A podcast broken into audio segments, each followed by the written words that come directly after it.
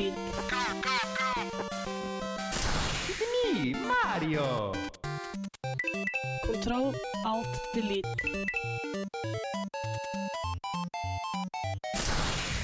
Unable to comply.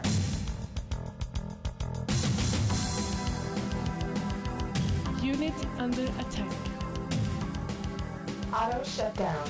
Sequence in progress. Ready to serve, my lord. Velkommen til andre volum av Kontroll Alt Elite Krønikerne, hvor vi tar og går gjennom Kontroll Alt Elites ti år lange historie, nå som er fylla jubileum. Du burde kanskje ikke begynne på denne, så dersom du ikke hørte på første volum, gå dit. Man får bare ta en liten recap, eh, Knut. Så eh, da vi sist slutta, så eh, var det en god del folk som har dukket opp. Et par folk som nå jobber i NRK. Plutselig så har Kontroll litt blitt to timer i stedet for en halvtimes eh, lang greie på mandagskvelden. Skjedd fryktelig mye i løpet av tre år. Yeah. Ja. Men eh, jeg oppfører meg litt som en historiker, og gjør sånn som historikere ikke burde gjøre. Bare sånn Det er denne epoken og i denne boksen, og så var det sånn hardt kutt. Og nei, nei. Fordi Det er ikke så veldig lett med den gjengen der. Nei, det er ikke det. Det er veldig mange flytende grenser. Fordi at det er en person som burde vært med i volum én, fordi at han har vært med ganske lenge. Eh, Det er vel i eh, Knut og denne personen her som er de som definitivt har hatt flest episoder på samvittigheten. Ja. Og det er selvfølgelig Are. Hei, hei. Hei, hei. Verdens mest joviale eh, sunnmøring. Oh, ja, ja. Fordi når ble Are med? Han, han ble ikke originalt med i Kontrollt litt først. Hvor var hun dukka opp først? Are starta opp i noe som het eh, Pomade. Ja, Mm. Ja, Hverdagsmagasinet Pomade. Hverdagsmagasinet. Programmet der de putter de folka som vi tror kan gjøre en bra innsats på radio, men vi vet faen ikke hva vi skal bruke dem til. Ja. Vi har et par sånne program fremdeles. Men eh, du dukka opp i Kontroll alt litt likevel. Hvordan eh, skjedde det? Nei, jeg smiska jo min, da. Er ikke det man uh, gjør? Men uh, jeg, jeg, var vel, jeg proklamerte vel min elsken for uh, dataspill. Eh, og alskens eh, data eh, til Knut og Bernt Isak og Nico. He, hele den gjengen fikk jo høre min elskov for dataspill, og da var det kanskje naturlig å ta meg inn. Eh, og Rune og Knut var vel kanskje de som innførte meg aller mest. Og vi hadde dette her med kompiser og kollektiv, og Are og Rune bodde jo i kollektiv. Så det er klart det, det er, Vi skal ikke legge skjul på at det er litt kameraderi i, når det kommer til hvor folk har havna i, i, i, i kontroll litt. Ja. Mm. Men altså putte litt i rekken her, fordi at eh, Are ble tatt opp mellom to hvilke personer? Are han eh, havna mellom Rune og Sverre, faktisk. Mm. Så eh, vi har eh, vi, vi gjorde et, vi gjorde et, elegant hopp over Are i tidligere, tidligere bolk.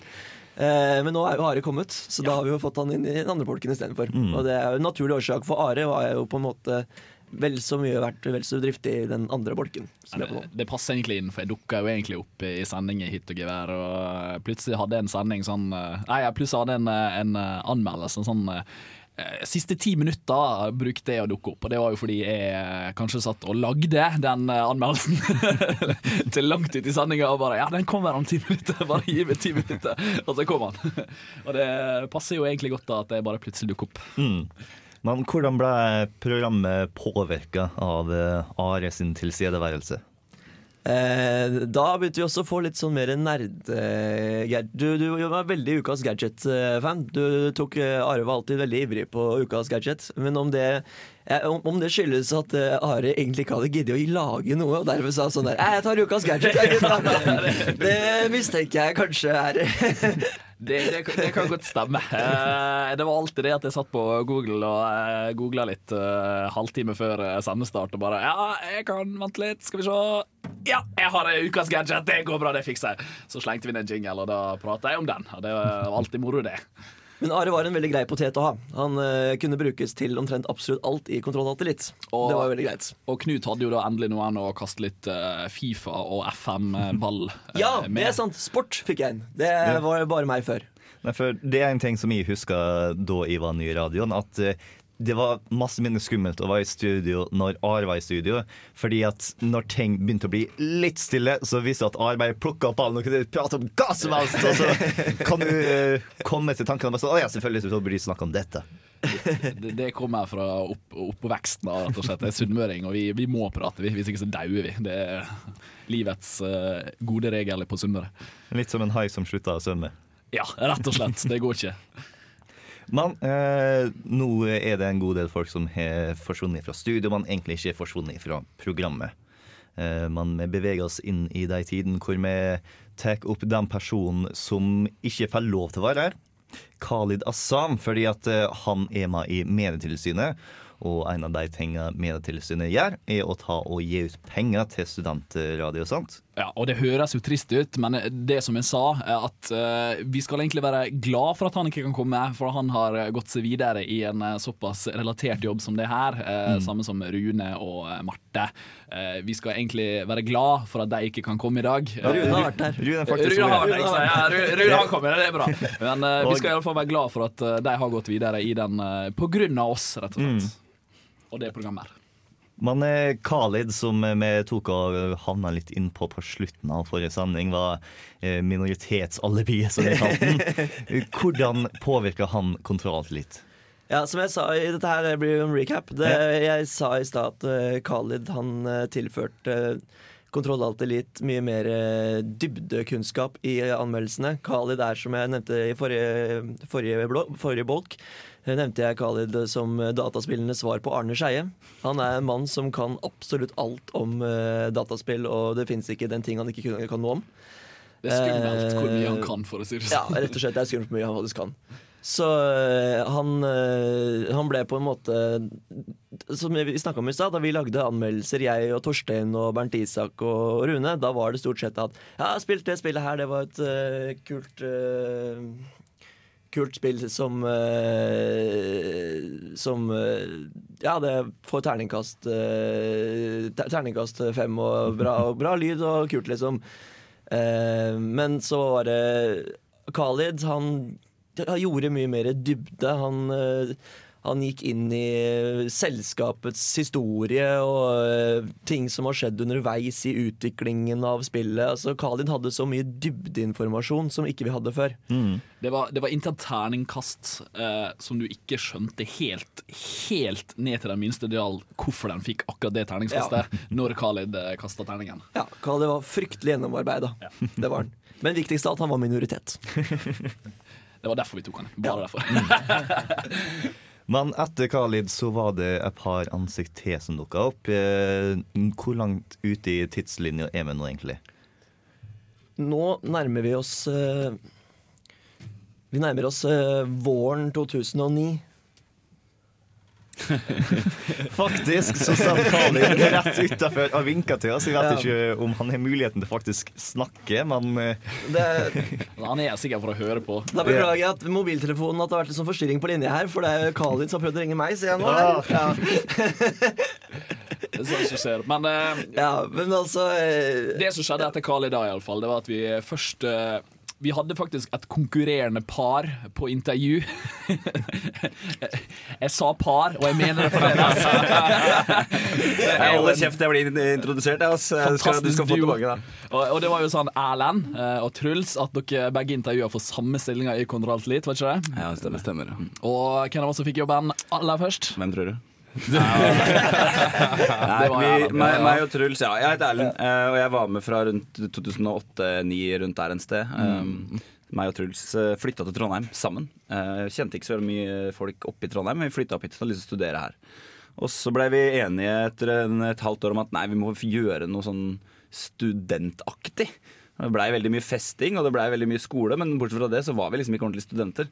Så vi tenkte liksom studentsamfunnet, det, det er greia. Så vi gikk jo inn og sjekka på nettsida sammen da. Kosa oss, hygga oss. Fant en, fant en stilling som vi syntes virka kul, og så søkte vi på den begge to. Eh, Det var veldig lite gjennomtenkt. Vi tenker jo her her skal vi bli med i radioen. Herregud, det ordner seg. Det ordner seg uansett. det blei jeg. Eh, så da blei jeg tatt opp eh, som spillerjournalist i Kontroll til litt. Eh, og så kom Truls et halvt år etterpå. Ja, Jeg sneik meg inn eh, bakveien. Da var du egentlig en del av Kontroll Elite, føles det ut som. Ja. eh, Når du sneik inn. Kjøpt, kjøpte meg vei inn Ja, som ja, ja. ukas gadget og litt sånt. noe, Ja, med, et, ja, ja. med et lasersverd som vi snakka om. Det var jo kult, da. Husker det. Ja, det var bra. Nei, så litt sånn, eh, litt sånn kompisgreie som dere har snakka om tidligere også. At uh, han, han, han blei med som et, som et resultat av at han hadde vært så mye sammen med de som var med i Kontroll Alt Elite på fritida. Men, men eh, god kandidat, da, uansett. Hadde han, eh, vi hadde sikkert tatt den opp også, eh, hadde ikke vært for alt det der kompispratet. Vi, vi har en teori om at, eh, om at det var de som var til stede på intervjuet, som avgjorde at, eh, at jeg ble tatt opp, ikke Truls.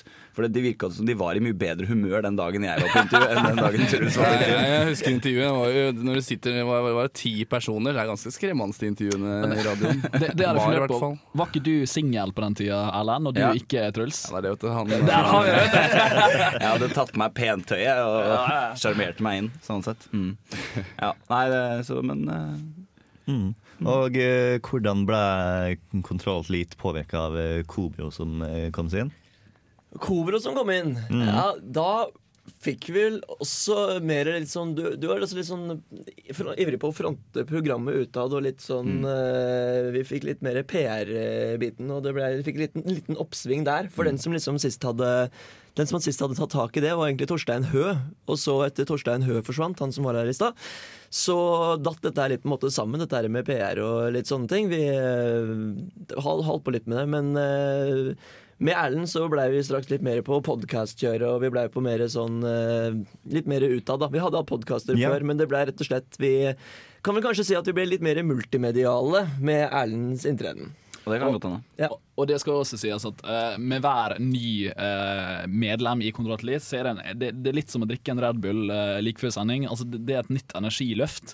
Eh, med Khaled eh, så var jo det litt mer Han har litt mer tyngde og litt mer dybde, og han tar litt ting med ro. Han er veldig energisk, men det føltes mer eh, litt sånn der nede. Men når Erlend kom inn, så ble det plutselig mye mer energisk igjen, husker jeg. Eh, at eh, det var skikkelig moro å komme på sendingen og, og ga rett og slett et energi En Red Bull-slurk. Jeg tror kanskje jeg er en slags krysning av Are og Khalid. Det- det I det at Are, du er superenergisk. Uh, super eh, inn på eh, en veldig brei type spill. Mens Khalid er superdyptdykkende, veldig lugn og rolig og behagelig.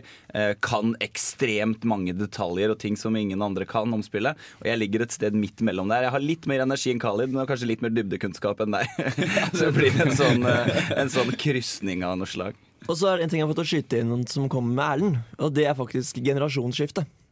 Med Erlend så kom et tydelig generasjonsskifte. De fleste av oss eh, var relativt sånn jevnaldrende, og vi hadde stort sett veldig mye av de samme referansene. Med Erlend så kom det inn mange referanser som var for meg fullstendig ukjent. For jeg skjønte liksom at her er vi over i et nytt nerdeterritorium. Ting som var eh, innmari kult på eh, Altså ja, Hvor mange år er det mellom oss, Erlend? Det er åtte-ni år mellom oss. Ja, du er født i 81. Ja. Jeg er født i 87. Ja, Så, ja. ja, så Det som er morsomt, er det at jeg er født i eh, 86, så visstnok så brakte jeg ingenting. Men jeg har alltid vært ung til sinns, jeg, vet du. Og Jeg turte ikke å ta med generasjonen min inn i sendingen. hadde ikke noe der å gjøre, da. Satt og nikka. ja, ok, det er derfor, du. Nei, jeg er gammel. Ja, for det, det, det innbiller jeg meg at det dukka opp en del litt sånn Eller, eller kanskje det var mer sånn eh, Kanskje mer sånn MMO-RPG, for det var vi heller ikke snakka noe særlig om Nei, det er før Khalid. det. Er Khalid. Det var Khalid, ja. er MMO-kongen. Ja, kongen av MMO. Ja. ja, Nei, jeg begynner å bli gammel, folkens, så jeg er litt bakfull nå. Så jeg, og det. Der var Knut, ja! Der var han! Det stemmer jo det du sier. da Når eh, det var jeg, Erlend og Khaled eh, og Truls eh, i sendingene, så var jo vi ganske ungt par. eh, Par? Ung, ung, eh, En ung kvartett. En veldig ung kvartett. ja, kvartett. vi kommer alltid til å være veldig gode til å snakke for oss. Det har vi alltid. Ja, ja, ja. Eh, og det skal vi si at jeg var jo, når jeg ble med i radioen, så var jeg jo 19 år, eh, så jeg var jo ung fra starten av. Eh, da dere kom inn, så var jo de like uh, jevngamle. Eh, Men eh, da merka jeg at eh, da, da ble det et nytt giv, som, som sagt. Ny, ny Red Bull-slurk. Og- Og så tror jeg, jeg tror det du tenker på når du sier generasjonsskifte, Knut Jeg tror i utgangspunktet det er at den gjengen som du var veldig mye med på fritida, Bernt, eh, Sverre osv., dere var på en måte en sånn sammenknytta kompisgjeng. Eh, og når vi, jeg og Truls kom inn, eh, så, så knytta vi oss veldig raskt til Are og Khalid. Så vi fire ble også en sånn slags kompisgjeng. Eh, og da, da ble det litt mer bredde igjen. For det er klart du og Bernt og Sverre spiller de samme spilla, eh, men dere spiller ikke de samme spilla som meg, Truls og Are og Khalid spiller. Rett og slett. Så det var det det var. sånn, Det, var, slett, det, var, det, var, det ble på en måte nye referanser. Det, ble nye, det dukka opp veldig mye nye ting. Ja. Så Jeg, jeg vet hva spillene Knut har spilt mest i sitt liv, og det er Diablo 2. vi var inne på det i stad.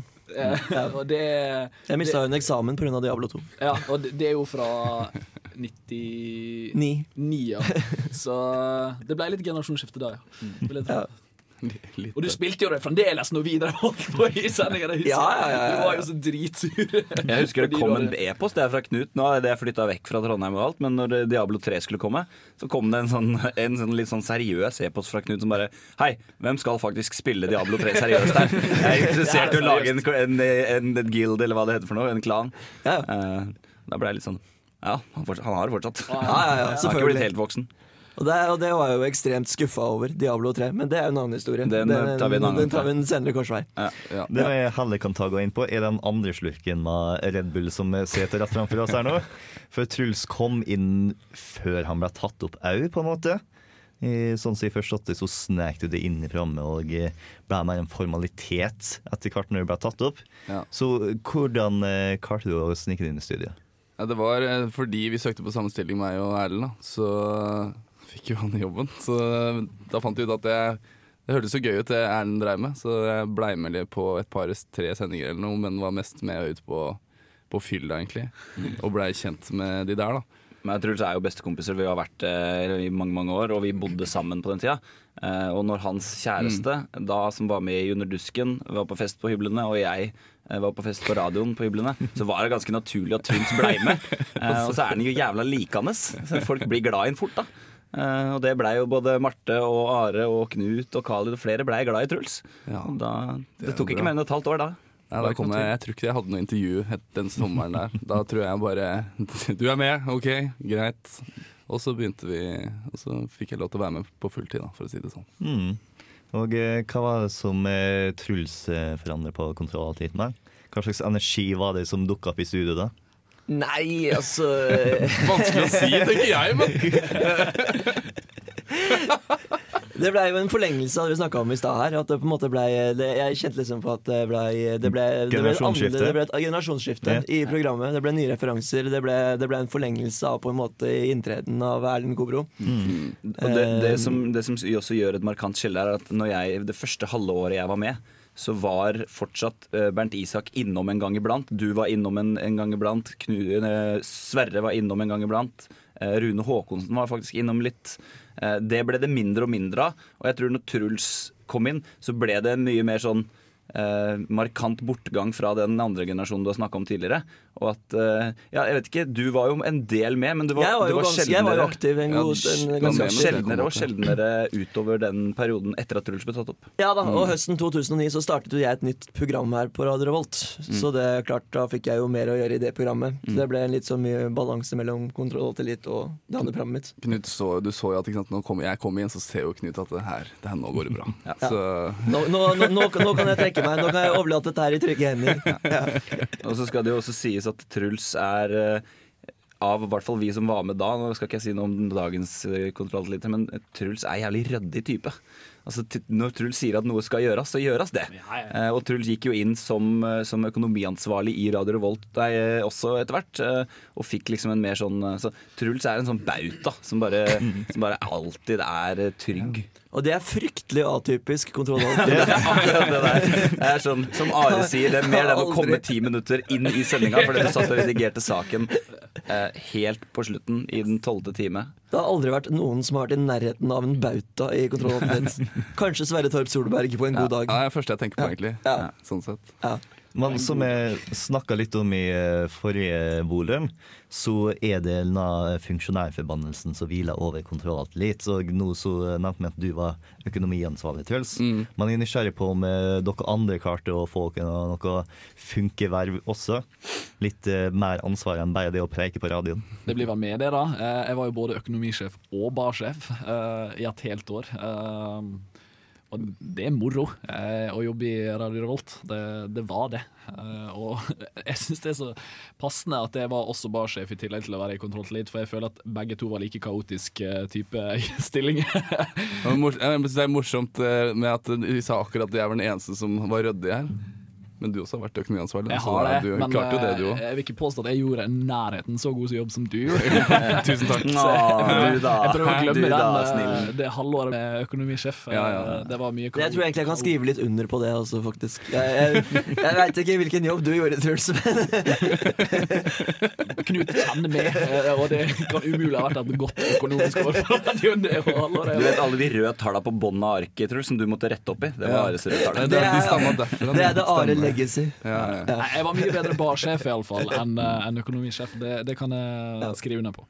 Og jeg var faktisk Funk et halvt år. Ja. Jeg var redaksjonsmedlem under hva var det, magasinredaktør. Var jeg. Det var det. Ja. Kandmag, som det ble kalt på den tida. Tilbake i den tida da Radio Revolt faktisk har magasin. Yes, sir. Fordi det var vel eh, da vi hadde er 24-7-konsesjon og tenkte trengte å fylle ting. Ja. Og så kom da brunsjbølgen, som eh, førte til en hælhemma folk innad i Radio Revolt. Jepp. Og de forsvant igjen. rett inn, rett ut. Vi kom jo inn på sommeren, gikk ut til jul, for å si det sånn, for da når vi mista Husker jeg konsesjonen. ikke navnet på det engang. jeg. Gikk, det gikk meg hus Det er forbi. det ene for er- er svogeren min. Jeg vet fortsatt ikke hva han heter. Smelt unge på søstera mi, liksom. Men, eh. OK, det blir veldig internt. Men eh, det var et, eh, en, en sendeflate der midt på dagen når ingen hører på radio, som jeg måtte sørge for at ble laga. Enkelt og greit. Som magasinredaktør. Mye møter. Moro med møter. Ja. Det er veldig moro. Du skulle hatt én times sending med møtene deres, bare tatt opp, rett og Ja, slett. kanskje vi skulle bare hatt møte i studio? Istedenfor å sitte her og prate drit i to timer, så kunne vi hatt ett time møte og en time drit. Eller lagde et spill basert på møtet. Ja, sant. God idé. Eh, Mye eh, gode men, eh, Er ikke det han, han der eh, Stanley eh, fra The Stanley Parable? Han, Ja. han hadde sikkert eh, Han er jo omtrent en eh, spillfigur eh, fra et møte, vil jeg tro. Ja, Litt bisarr møte, men ja. Men eh, som eh, dere nevnte litt tidligere i sendinga, så fikk nå Kontroll Alt Elite podkast.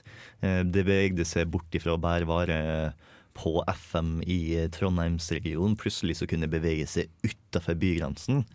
Hvordan fungerte det? Hvordan skjedde ting der? Det var jo en milepæl, egentlig. Mm. Eh, at vi ikke lenger var et rent, sånn, eh, et rent radiomedium. At det faktisk Jeg var jeg, jeg, jeg er så gammel at jeg, for meg så var det bare radio som gjaldt. Eh, jeg eh, skal ikke si at jeg stritta imot podkast, men det var, var mer litt sånn halvhjerta sånn ja, Knut, du må ta klippet til å legge til podkasten i uka. Podkast trenger jeg å legge den jævla podkasten av. Nei, det er radio, for faen! Det er radio vi lager. Men uh, jeg har jo nå, I mine eldre dager så ser jeg jo nå at nå er podkast egentlig det som stort sett gjelder. Det er jo det. Eh, og det har jo skjedd ufattelig mye med denne radioen i løpet av de årene jeg har vært med. Mm. Og podkastene gjorde jo at vi eh, det var Vi snakka om det i stad her, at det var eh, før vi gikk inn her nå, at det var IT-avisen. Vi hadde noen, noen podkaster på. IT-avi- IT-avisen hadde en sånn egen podkastplattform Ja. før det ble en, en sånn dedikert iTunes-greie.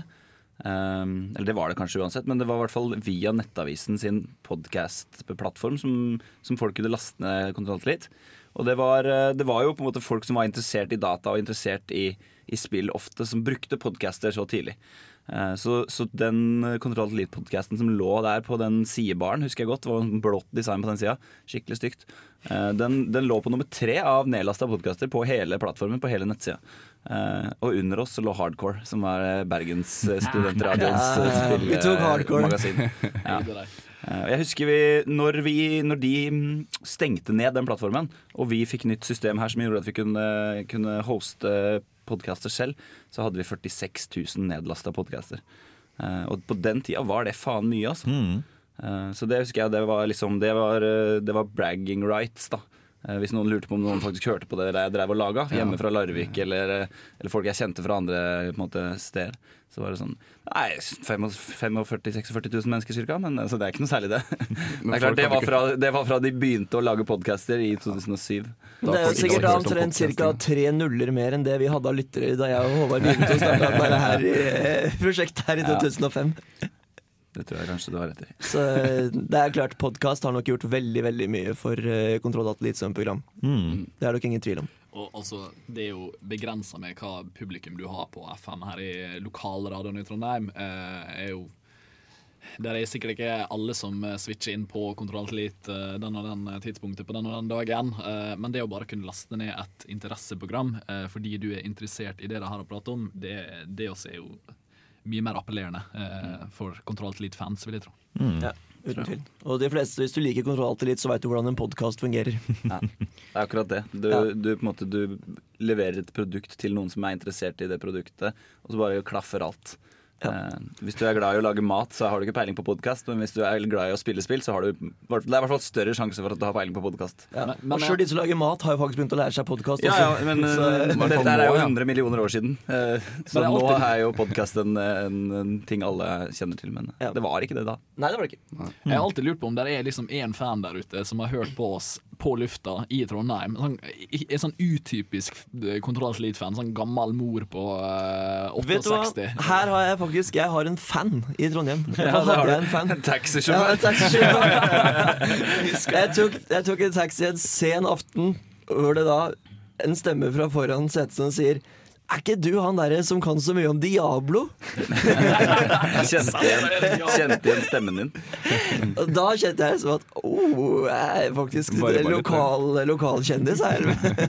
Er Men det er greit. én gang, ass. Det, er så, det holder. Det holder. Det er jo, det er jo, Det var, det var nok, det. altså Ja, Det Det var er nok jo det. kjendis, da. Ja, ja, ja. Bucketlist uh, Og da entryen er Han tar meg på stemmen, liksom. Det er ikke alle som tar det på stemmen, altså. Nei. Nei. Imponert. Jeg var stolt. Altså. Det var et stort øyeblikk i min eh, taxihistorie.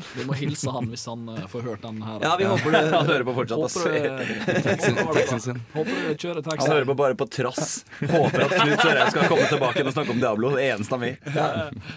Den dagen han Knut kommer tilbake og snakker om Diablo, det, da blir jeg så glad. Litt vanskelig å flytte fra byen, men eh, jeg skal prøve å ta taxien jeg skal til uh, togstasjonen, og håpe at det er du som plukker meg opp. Kan du ikke bestille en deg taxi utenfor- på lufta her nå? Nei. Hvis du, hvis du står utafor Clarion hotell Si ut nummeret ditt. Jeg skal finne på mobilen. Nummeret til Knut er 45 20 Man eh, er litt interessert på hvordan kontroll alt eh, endrer seg når det ble et enorme generasjonsskifte.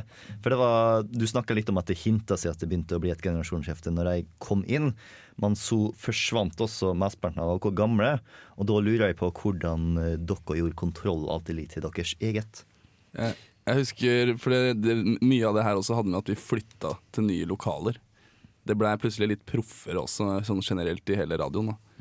Og jeg tror det også hadde mye med at det ble veldig poengtert eh, generasjonsskifte. Siden de gamle studioene var Det gjenspeila det som foregikk der inne. da. Det var ganske skittig. Og, og det var jo ofte sånn at du satt og pilsa litt, og så når du var ferdig med sending, så gikk du rett på hybelfylla. Og I det byttet når vi gikk over, ikke sant? det var plutselig 24 timers sendekonsesjon, det var plutselig nytt studio, mye mer uh, proff følelse, så tror jeg også kvaliteten på radio generelt på Radio Revolt som ble laga, fikk høyere krav til seg. Jeg tror vi også følte litt på det, at eh, vi følte ok, dette var, kanskje har vært et program der Knut Sørheim og noen andre halvsvette nerder sitter og skråler i en times tid. Nå skulle det være faste spalter enda, i enda større grad enn før. Eh, Du får arrestere meg hvis jeg tar feil på dette, her, Knut. Men eh, og, eh, når jeg og Khaled og Truls, Are og Marte og deg var de som på en måte var aktive, eh, så i hvert fall så, så jeg til Marte som, som en slags sånn leder-autoritær rolle. Eh, og hun var jo veldig flink, og hun var veldig eh, måte, organisert, og ting var på stell, i hvert fall lydmessig. Eh, så jeg vet ikke. Kanskje, kanskje litt mindre skrål og bakfullhet. eh, Men jeg vet ikke. Ja, Det er helt sikkert inne på noe, inne på noe riktig der. Det, men altså, det skal sies at vi forsøkte jo en gang i tiden å ha litt strukturerte sendinger og få til et eller annet, men som uh, Truls påpekte her, det var andre lokaler. Det var eh, andre arbeidsforhold, det var annen teknologi. Det var eh, Eh, men altså, det var, det var ikke den seriøse satsinga. Altså, med navnet Radio Revolt så ble plutselig det å lage radioen ble, og det, disse nye lokalene ble plutselig veldig blodseriøst. Eh, Og- det var, fantes jo ikke blodseriøst da vi satt oppe på, oppe, i samfunnet. Det gjorde jo ikke det. Og Marte kunne dessverre ikke være med oss i dag, men hun sendte inn eh, en melding med en sånn veldig lang, koselig hilsen. Og en av de tingene hun skriver, er at hun har veldig mange gode minner av Kontroll Alt Elite, og spesielt eh, Skal vi se hvor de sto nå. Spesielt eh, der eh, Knut var drita på lufta, sjøl om han var programleder. Så det var vel kanskje før med føtta til Lukas. Får håpe det. Nei, det tror jeg faktisk var på Lukas. Det kan godt hende. Vi har hatt juleølsmaking her også. Før, før det var satt skikkelig ordentlige regler her på hvordan vi skulle oppføre oss inne i studio. Og, og det skal jo si, Jeg vet ikke hvor mye vi har pratet om Marte i, i volum én, men uh, Marte eh, var jo kongen av Disney-spillanmeldelser, husker jeg. veldig Ja.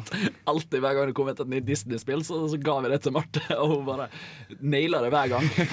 Elska det hver gang, Ja, det var kanskje. så si. Ja, nei, nei, for eh, Vi har hørt hvordan den de forrige generasjon eh, tenkte om Marte, men jeg har også lyst til å høre hva dere, hvordan dere følte var.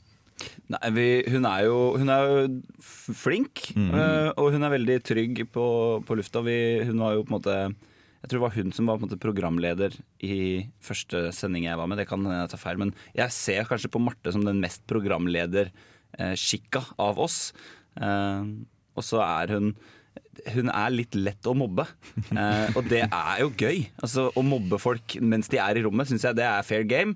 Eh, og det å le av Marte, det, det har vi gjort mye. På en snill måte. en- da. ja, ja, ja, så- så klart, så klart. vi mobba ikke Marte. Men det er som man, man er Marte var litt på en måte litt eh, som sa innpå i stad, meg og Vibe to. Marte ble på en måte litt den nye meg i den rollen. Meg og Vibe to.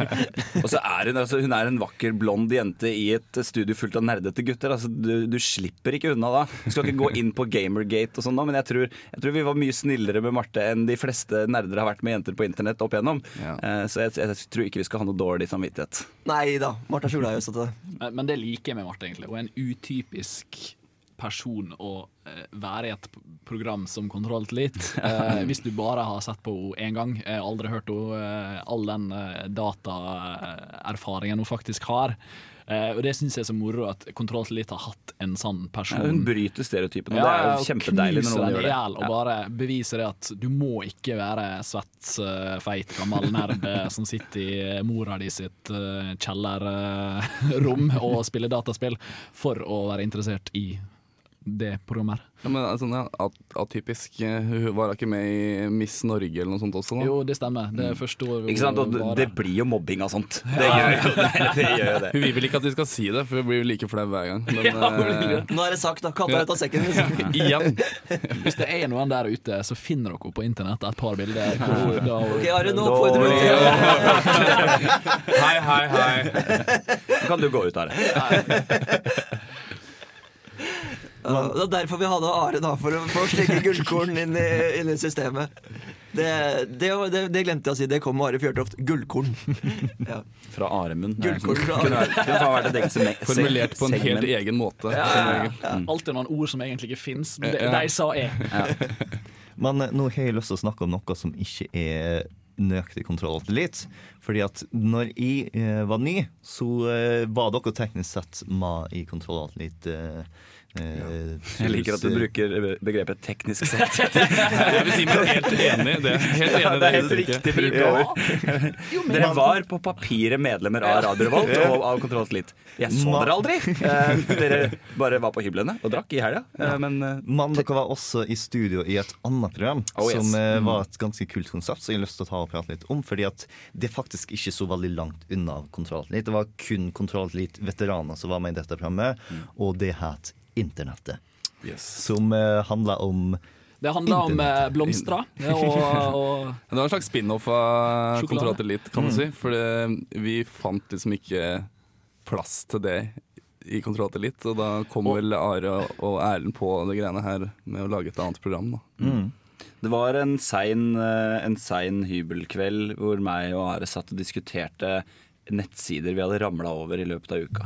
Oh, Eh, men Som det- man jo ikke- gjør. Det gjorde jo vi alltid. Det Ja. var jo nettopp det at vi, vi Så du den tingen på Det, sant? det var mye av samtalen. Den gikk mye det. Gikk enten spill eller sånn Så du den videoen av den katten og det greiene der? Sant? Sånne ting. Eh, Og så ble vi enige, og så kom Are til meg litt seinere og så bare Du, jeg har tenkt på Vi burde egentlig starta et program som handler om sånne internetting. Og da sa jeg vet du hva, det har jeg tenkt på akkurat det samme. Og så starta vi det programmet. Som het Internettet, som handla om sånn internetting. Og, og det er jo sånn, eh, når du skal ha et nytt program i radioen, så du, du møter ikke bare opp. Eh, Du må jo sende inn en søknad, og hele eh, Det må jo tas opp i styret, og så blir det presentert som nytt program i eh, mandagsmøtet, som vi har i Radio Revolt.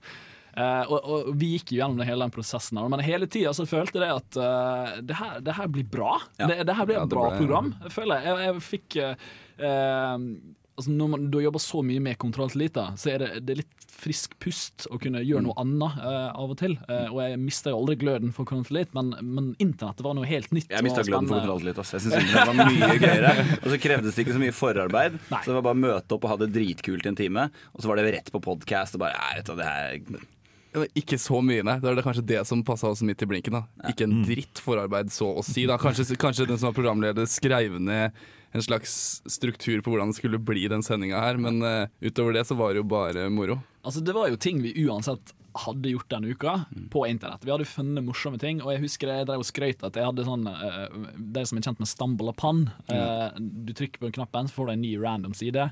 Jeg hadde jo sånn rundt 200 000 klikk på den Stumble Upon. Og mye Jeg av det var jo på grunn jeg sjekka nå nylig hvor mange jeg hadde. Nei, Det tør jeg ikke å si på lufta. Nei. Det, er- har, og det er antall nettsider jeg har sett gjennom denne applikasjonen, og det er for meg helt latterlig mye. Det ass. er høye tall, vil jeg Jeg tror det var 400 eller 400 500 000 Ja, det er rundt Det der. er helt gale, Mathias. Men dere sa at det ikke krevde så masse forhåndsarbeid. Men det stikket som jeg husker aller best fra internettet, Ja. måtte definitivt krevd litt forhåndsarbeid. Ja, fordi at det var en hel eh, snakkebit som kun var autotune. Mm. Den, den, den var jo Ja, det, det var litt forhånd. Men det var jo ikke vi som gjorde det, det var jo teknikeren. Vi bare sa, vi Vi sa til Var det ikke Sverre Magnus da? Nei, Lars uh, Lars Kinn Ekroll. Var det det? Ja. vi sa i hvert fall bare «Øy, Går det an å autotune oss? For det, det er fett. og så bare eh, Ja, jeg skal sjekke. Ja. Og så bare gikk det en uke, eller så bare Ja, det! Jeg fikk det til! Så bare løp vi rett inn i studio og bare Velkommen til Jeg har lyst til å høre det klippet. Det er lenge siden. da. Det var introstikket. Og det, det verste med det stikket der, Det er at jeg var ikke med på det. det, er det, litt sånn, det er bare, ja, internett, jeg husker det autotune-stikket. Ja, jeg var ikke med på det. Så husker jeg veldig godt Jeg var med eh, på alle andre sendinger, bortsett fra akkurat den ene. Er det mulig å få det opp, eller? Eh, Jeg skal ta og putte det i det lille vedlegget som blir lagt med etter denne okay, biten. jeg kan ikke liksom bare si Og det skal du få høre nå. Nei. Nei. Det, Den Altså, tiden er men da, forbi. nå kan du bare klippe det inn der hvor jeg sa nå. vi kan- gjøre det. Og så kanskje vi allerede har gjort det. Ja. Vet? Ja, det var bra. Det var kult, da. Var kult. Vi er ikke programledere lenger, Erlend. Vi sitter på feil side av uh, mikrofonen. Ja, ja, jeg aner ikke hva det er de driver med. Jeg prater. Men eh, internettet, ja. Det var et utsprang av Kontroll Ja. Eh, hadde det ikke vært for Kontroll så hadde det i alle fall ikke vært for eh, internettet. Eh, Nei, det hadde ikke vært noen Det hadde aldri eksistert. eh, og det var en veldig morsomt sidesprang eh, som vi føler fremdeles er Altså, det er jo et datterprogram av Kontroll -hmm. Det, det er jo ikke et eget program eh, i for seg sjøl. Vi forventa jo egentlig å kanskje hente lyttere fra Kontroll Atlet. Ja, vi reklamerte jo masse. Det lille vi kanskje henta sjøl, eh, kunne vi kanskje viderebringe til Kontroll litt. Så det er veldig knytta sammen, de to programmene. Eh, og absolutt eh, en del av Kontroll Litts historie, definitivt. Det, og det var da meg, Are, Truls og Khalid som, Og Khalid, hadde, det som hadde dette programmet, så Khalid må nevnes han nå. Eh, men jeg, jeg, etter, ettersom vi begynte å få litt teken på hvordan vi kunne audiovisualisere det som er såpass visuelt på nettet, eh, og på en måte velge de klippa som hadde bra, bra lyd, så, så tror jeg vi, vi gjorde noe som ingen hadde gjort før. Og det var det ganske mange som, som merka, beit seg merke i. Eh, vi mener jo helt seriøst at alle disse ukas fail og alt sånt som begynte å komme på en del andre radiokanaler, at de har rett og slett stjålet det fra oss. Det. Eh, det, det mener jeg hardnakka den dag i dag, at vi starta den trenden med å bringe sånne internetting inn i radio. Ja. Og det, det, vi var tidlig ute. Vi var pionerer, rett og slett. Men jeg husker spesielt at et stikk hvor det var en sånn fyr som hadde den sykeste gråten. Altså, han gråt en hel han, han. Jeg husker at Truls knakk sammen. Så. Så det var mye, mye bra. Og, og hvis du hører på det her og ennå ikke har hørt internettet, så er jo det på podkast fremdeles mm, der ute i interweben. Ja. Laste ned. Det er fremdeles kvalitetsmateriale, vil jeg påstå. Jeg driver og laster ned og hører meg sjøl om og om igjen, jeg, altså. Hele tida. Det er litt trist. Så det blir jeg flauere og flauere jo, jo lenger unna det blir i tid, liksom. Altså, Jeg har en uh, seks og en halv times kjøretur hjem igjen. Jeg lurer faktisk på nå å bare høre igjen. Det er ett år med internettet der ute. Det, det er synd det ikke varte lenger, men uh, det moro. moro. Moro sendinga. Mm. Og jeg elsker sånn spesielt uh, det siste stikket deres, måten dere sa ha det bra på, som var basically at eh, dere bare gikk ut av studio mens dere snakka om hvor kult det var. Så kunne du høre stemmene bare bli stillere og stillere, og så klappa døra igjen. Det var jo fordi Vi skulle jo flytte fra byen, flere av oss. Og vi, ja, vi skulle slutte i Radio Revolta. Det var på en måte Det var et, et program som varte ett år. eh, Og som bare var oss fire fra start til slutt. Så, så det var kortlevd, men det var på en måte bare vårt. Eh, og det, det føltes bra. Og når, det var, når vi var ferdige da, så syntes vi programmet skulle være ferdig òg. Så da bare pakka vi sakene våre og gikk ut av studio. Forlot Trondheim for alltid. Ja. Kanskje ingen som kunne ta over det programmet heller. Jeg vet ikke hvem som skulle ha erstatta oss. Jo da, det er jo mange som kunne ta Altså Erik Vibe, Jens Erik, eh, Bård her kunne jo Ja, vet du hva? Vi, skal, vi, vi gir dere tillatelse, hvis dere vil. Bare bruke, bruke den. Ja, jeg har Kanskje jingle. jingle er kanskje det er den eneste jinglen jeg har vært fornøyd med som jeg har lagd. Det er intro-jinglen. Mm. Og det er mest fordi Khalid sier helt på slutten Suitcase man. Stemmer Å, faen, suitcase man, altså. Stygg. Men jeg, jeg har lyst til å snakke litt om Erik Vibe, fordi at han dukka opp i studio i neste volum. Men eh, han ble tatt opp eh, mens dere var fremdeles her, og mens dere eh, begynte å snuse på internettet og kanskje flytte fra byen. Så hvordan var det å få Vibe inn? Det som var med Vibe, var jo at eh, etter hvert som vi begynte med internettet, eh, så forsvant vi mer og mer ut av Kontroll Elite. Eller vil si, vi, jo, vi, vi forsømte jobben vår i Kontroll Elite mer og mer, eh, for å bruke riktig begrep. Og Erik Vibe ble tatt opp eh, mens vi holdt på med internettet. Og han ble på en måte Kontroll redning igjen, etter at vi hadde på en måte begynt å la det, la det renne ut i sanden. Eh, Så Erik Vibe er jo også en sånn person som er veldig pliktoppfyllende. Eh, Og han var pliktoppfyllende på et tidspunkt hvor det var strengt nødvendig at noen var pliktoppfyllende i Kontroll Elite. Det var Godt vi fikk den inn, si. Ja. Ellers så hadde de rakna helt, tror jeg. Eh, Litt, for da hadde, da hadde de, de forsvunnet ut. Knut, da var Knut ferdig, Marte var ute. Eh, Det var meg, eh, Are, Truls og Khalid igjen, eh, som var aktive i kontrolltillit. Og da trengte vi en person som kunne være helt med. Altså, det er lett å si det at uh, Kontroll Elite hadde ikke vært Kontroll Eliten uten en og hver av dere, men det hadde i alle fall ikke vært noe uten Erik Vibe. Nei, det er sant, det. Det, han, eh, Kollapsa under sin egen vekt. Vi, vi, vi kasta han ut i ilden eh, med en gang han eh, Han han var jo knapt eh, nyopplært på systemet, og hele Ja. pakka, og vi bare Du, Erik, det her tar du. Og han bare OK, jeg tar det. Vi tok litt sånn eh, Vi bare gikk ut av døra, lot Erik stå igjen.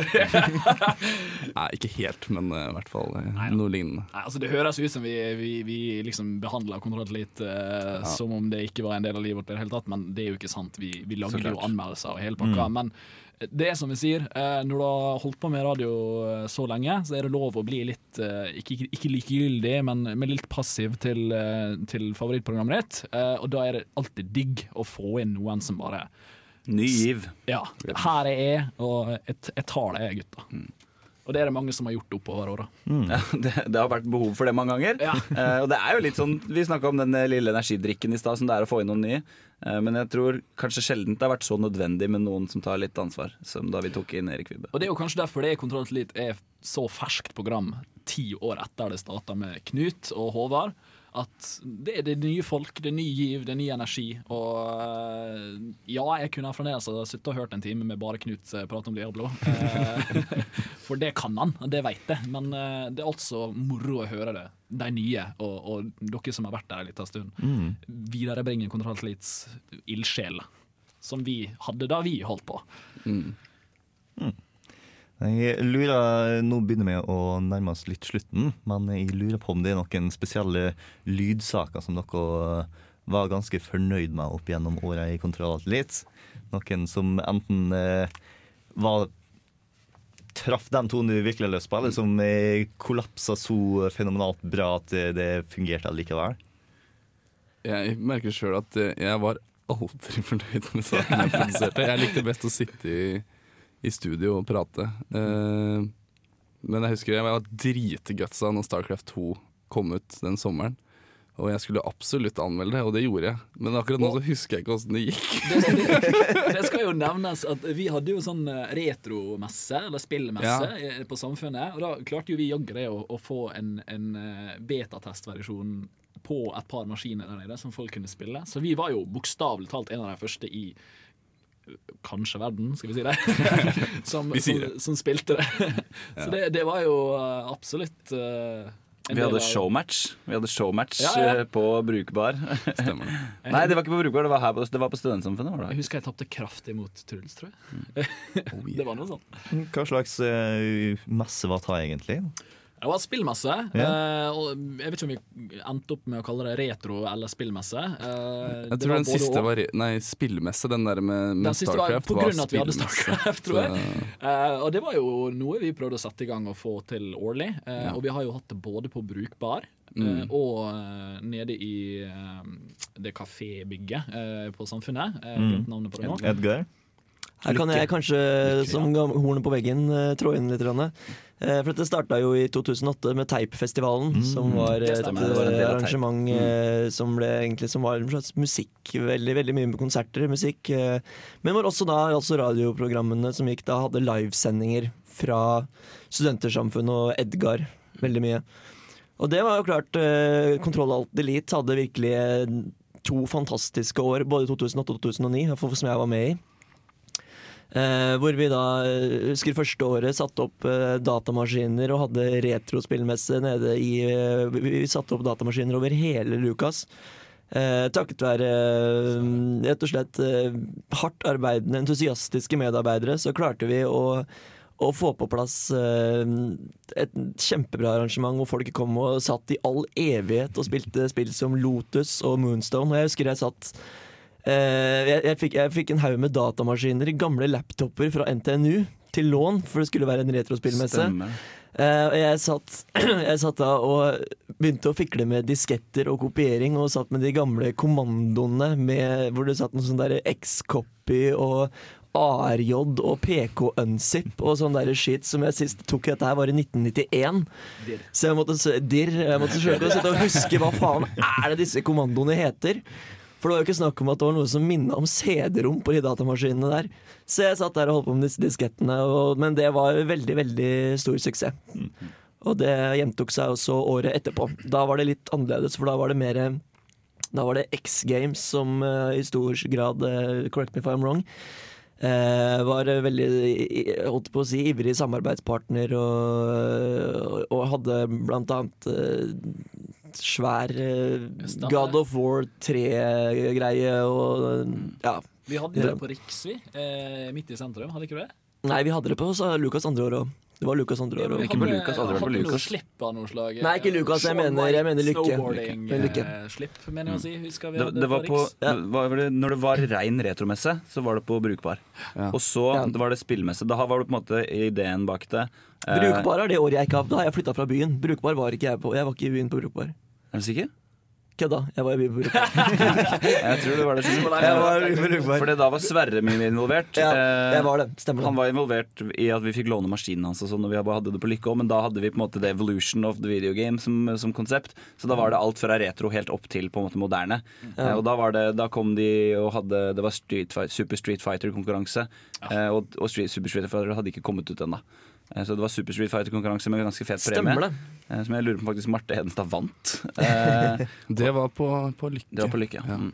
Og, og det, var, det var Starcraft, beta, showmatcher og mulighet for å få spille for folk, og det var retrospill. retrospill. Så den spillmessa Det det var riktig, det var som en del av den Teip radiofestivalen. Yes. Men det var veldig gøy. Det var veldig gøy. Kom bra med folk òg. Så det var en veldig bra fronting for eh, Kontroll Alt Elite. Rett og slett nå ut til publikum og faktisk gjøre oss litt kjente. kjente. Så det er de sakene jeg er mest fornøyd med, da. Mm. Hvis det For å svare på spørsmålet ditt. Start up to anmeldelsen, altså. Nei, nei, men altså, det, Jeg syns det er et godt svar, for jeg, jeg er mest fornøyd med det vi har fått Ja. til av sånne ting. Eh, jeg også er nok der, som Truls er, at det, av anmeldelser så er jeg ikke spesielt superfornøyd med noen. Eh, det, er, det er helt, helt ryddige anmeldelser, mange av de. Jeg husker jeg anmeldte eh, til den retrospillmessa, så anmeldte jeg eh, A Link to the Past som om det var et nytt spill. Og skrøt bl.a. av den realistiske grafikken. Men det var på en måte mer humoristisk enn det var bra. men den er ganske artig, tror jeg. Jeg har ikke hørt på mange år. Da kan jeg da i all beskjedenhet manglende sådan si at jeg hadde jo faktisk en meget bra anmeldelse på tampen av min karriere. Jeg gikk jo ut med bravur og ble til og med nominert til årets beste sak. Eh, og Det er et spill som har blitt nevnt fire ganger tidligere i dag. Eh, som jeg sa, vent litt, vent litt, vent litt. Og det er altså da det japanske hentai-spillet Tasty Shaft. Eh, som er noen av de mer kontroversielle spilleranmeldelsene jeg har laget i min tid, tør jeg påstå. Men Eh, høy, høy kvalitet, altså. Svært, svært høy kvalitet. ja, det ble, det På, var, på anmeldelsen, ikke på spillet. Altså. Det er Det er veldig mentale bilder som blir malt av den uh, lydbildet du skapte der. Ja, det, det var en veldig takknemlig jobb å finne, finne lydklipp til dette, denne saken. Ekle gris. Det er jo litt sånn at eh, ja, Knut har eh, privilegiet til å kunne huske én spesifikk sak eh, som, som skiller seg ut, men når du jobber så mye med kontrolltillit som vi har gjort, alle, alle folk, og anmeldt så mange spill og lagd så mange anmeldelser, så du husker ikke egentlig den spesifikke tingen, du bare husker hvor gøy du hadde det generelt. Mm, ja. så, det, det er litt som å huske prøve å huske én dag i barndommen din. Du gjør ikke det. Du husker hvor gøy det var når du var barn, men sånn er det. det Det har blanda seg inn i en sånn liten sånn graut med minner. Kontroll alt elite graut. Jeg husker ikke hva jeg, jeg husker bare det at jeg klarte å levere en sju minutter lang anmeldelse. Det, det, jeg husker- jeg husker ikke hva spill det var. Jeg husker ikke- Fable var det, ja. Stemmer det. Takk. Husker. Ares sju minutter lange fable. Og det, det, Verdens minst radiovennlige anmeldelse. det, den husker jeg. Jeg husker som sagt ikke at det var Fable, men jeg husker at eh, den var sju minutter. Ja. Og det er good times. Mm. Da begynner vi å eh, stanse opp. Eh, Men det siste spørsmålet jeg har lyst til å spørre folk, er hva har Kontroll Alt Elite betydd for dere?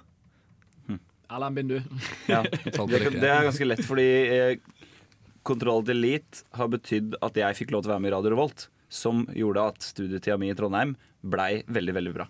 Eh, det første halvåret jeg bodde i Trondheim, var kjedelig. Eh, mens de, de resterende tre åra, bodde her i tre og et halvt år, eh, var fantastisk bra.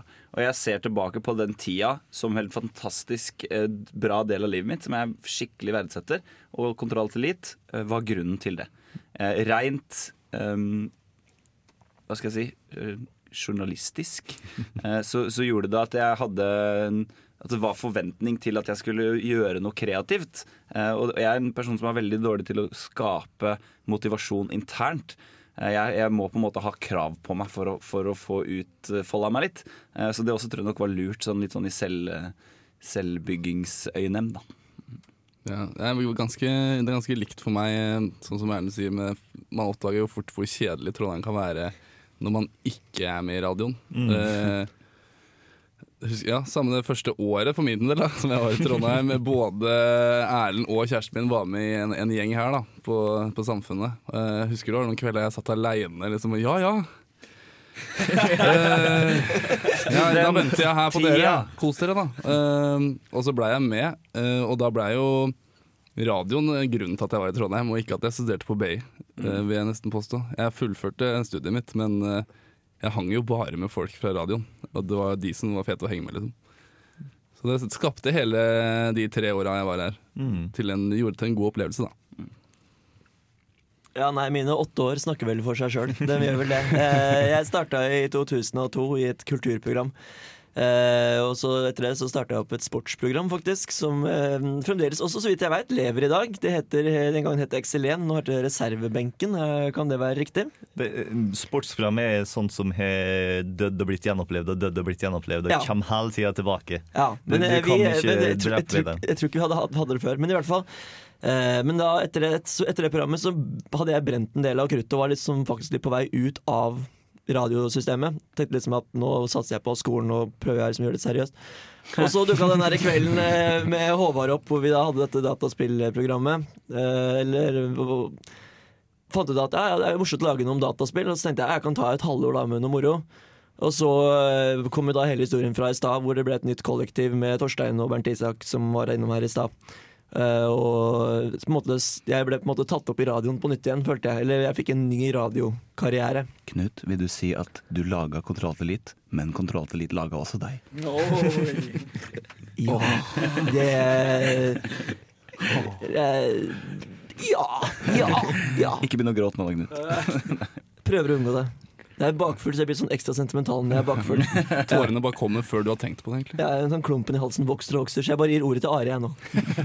Ja, nei, altså Det var det samme for meg, egentlig, som gutta sier. Eh, jeg fikk heldigvis aldri opplevd Trondheim omtrent uten eh, Radio Revolt. Eh, eller kontrollt Litt, jeg var jo på Made først, men Radio Revolt i seg sjøl. jeg kom jo til Trondheim som 19-åring. Hadde bare bestemt meg for å flytte hjemmefra. Hvis ikke Jeg hadde kommet inn på psykologi. Jeg jobber ikke med psykologi, for å si det sånn nå. Eh, og, og bare Jeg husker jeg gikk oppover trappa, og så var det ei som heter Victoria som uh, jobba her før, som ga meg en lapp eh, som promoterte for radioen, og jeg bare Ja ja, det høres kult ut. Og så kom jeg på intervju, og plutselig så ble jeg oppringt og bare Ja, du er med i radioen. Og jeg bare What?! Seriøst? Og da visste jo ikke jeg at Kontroll til Elite fantes engang. Og så eh, ble jeg med i Kontroll og det har kanskje vært eh, jeg, jeg klarer ikke å huske Jeg klarer ikke engang å, å, å prøve å se for meg studielivet mitt uten Kontroll og radioen.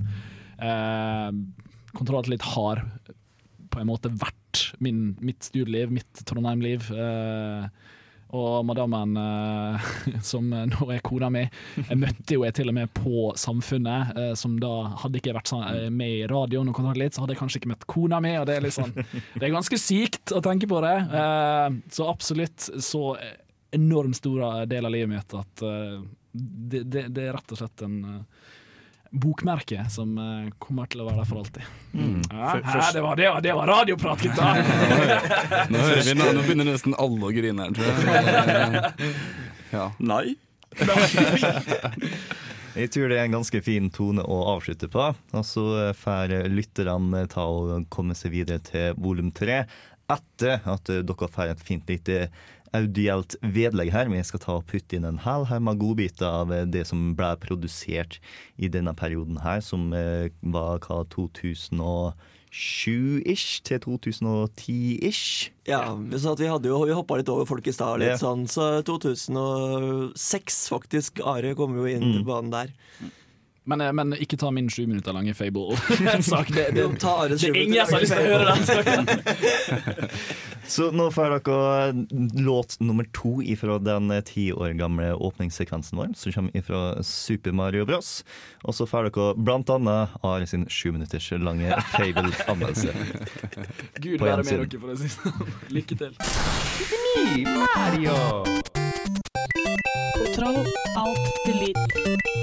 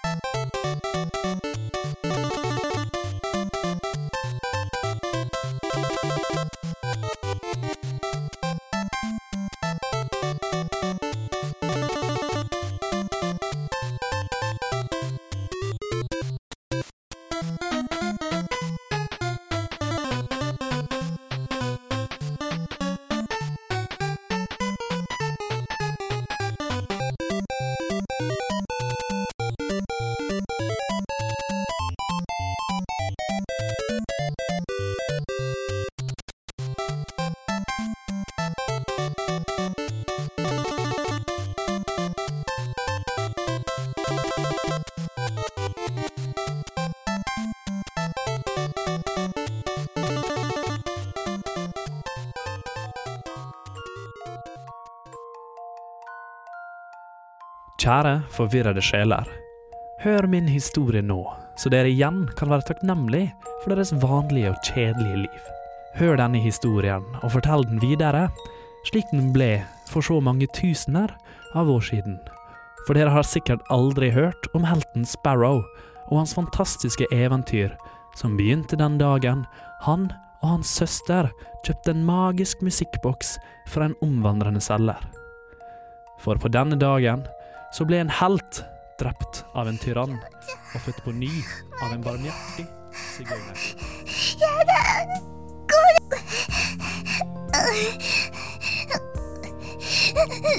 For å kalle Tasty Shafts et dataspill er egentlig en infam løgn og ikke noe annet. På hjemmesiden til mangagamer.com, der man kan kjøpe spillet for svimlende 19,80 euro, står det oppført under sjangeren adventure. Som svoren fan av klassikerne fra Lucas Arts var dette et spill jeg altså var nødt til å prøve ut, vel vitende om at faren for skuffelse var høyst tilstedeværende. I spillbeskrivelsen står det at de tre deler alt, også sex. Strengt tatt snakker vi vel kun sex.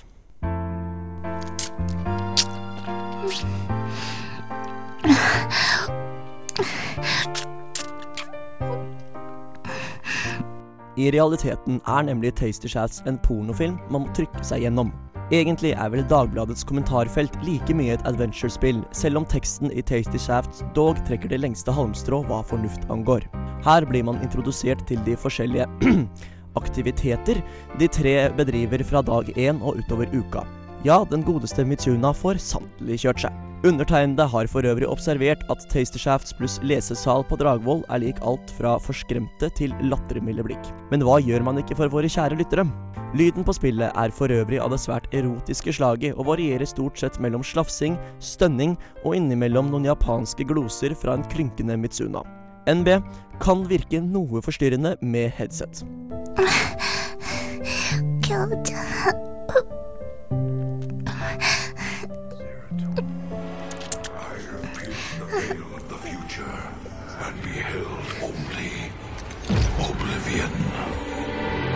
Fire år har gått siden Kerrigan ble etterlatt på Tarsones, og forræderen Arcturus Mengsk kronet seg selv som keiser. Jim Rayner vender nå tilbake for å gjenoppta kampen mot Mengsk og få en ende på Kerrigans korstog. Med Jimmy i spissen blir vi sendt rundt på oppdrag i verdensrommet. Penger må tjenes, folk må reddes, og ikke minst vil dine medsammensvorne tåle dine valg. Noen mener at Starcraft 2 er lite nyskapende og ligner veldig på eneren. Men hvorfor ødelegge noe som allerede er bra?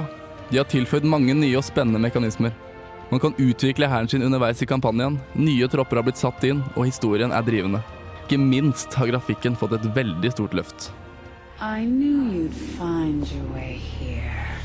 Eventually. Your very presence defiles this place, Kerrigan.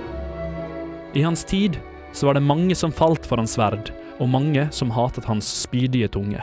Men Sparrow begynte selv å se sin udåd der, og valgte en bedre vei mot frelselse og godhet.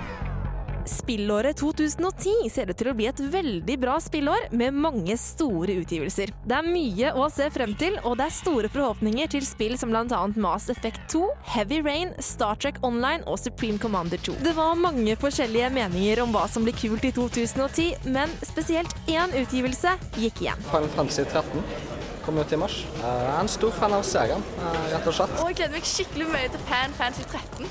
Ja, jeg ser fram til Fan Fancy 13. da. Men ikke alle trenger de store utgivelsene for å kjenne spenningen på kroppen. Mer ukjente spill kan også være noe å glede seg til. Det er kanskje ikke spill som folk flest kjenner. Victoria 2 heter det. Ok, Hvorfor det spillet er det? Det er sanntidsstrategispill. Satt mellom 1836 og 1936. Victoria 2 heter det. Mellom 1836 og 1936. Det er sanntidsstrategispill. Victoria 2. Og jaggu hadde ikke gutten med den spesielle spillsmaken rett. Spillet er lansert, og jeg har nå fått skaffet meg den svenske produsenten Paradox sin nyeste utgivelse. Og som vi nå alle vet, er Victoria 2 nettopp et strategispill hvor handlingen finner sted mellom 1836 og 1936. Men det er så mye mer. Så mye, mye mer. What is it? This, Jen, is the internet. Da blir det, da blir det crazy på bussen. Lilla boksershorts her, seriøst? Takk, takk, takk. Ja, du ser ut som nye Megaman-bossen. Suitcase Man. Så du mener neste gang så skal vi høre ut som hula hoop i full speed? Og så skal vi autotune hele programmet. Oh, yeah. Så det blir, det blir nice. Det blir nice. In the power combined, hard, triangle, square. By the power combined, I am Du hører på Internettet, live on web på radiorevolt.no. This is the internet.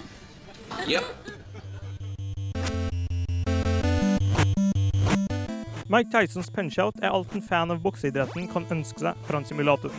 Nintendo har gjennom hele produksjonen etterstreba hyperrealisme, og resultatet er gull verdt. Med en så hederlig sportsfigur som Mike Tyson på laget, har Nintendo sikra seg et kvalitetsstempel som verken Atari eller Sega vil være i stand til oppdriv i nærmeste fremtid. Men hvorfor i helvete er Super Mario dommeren?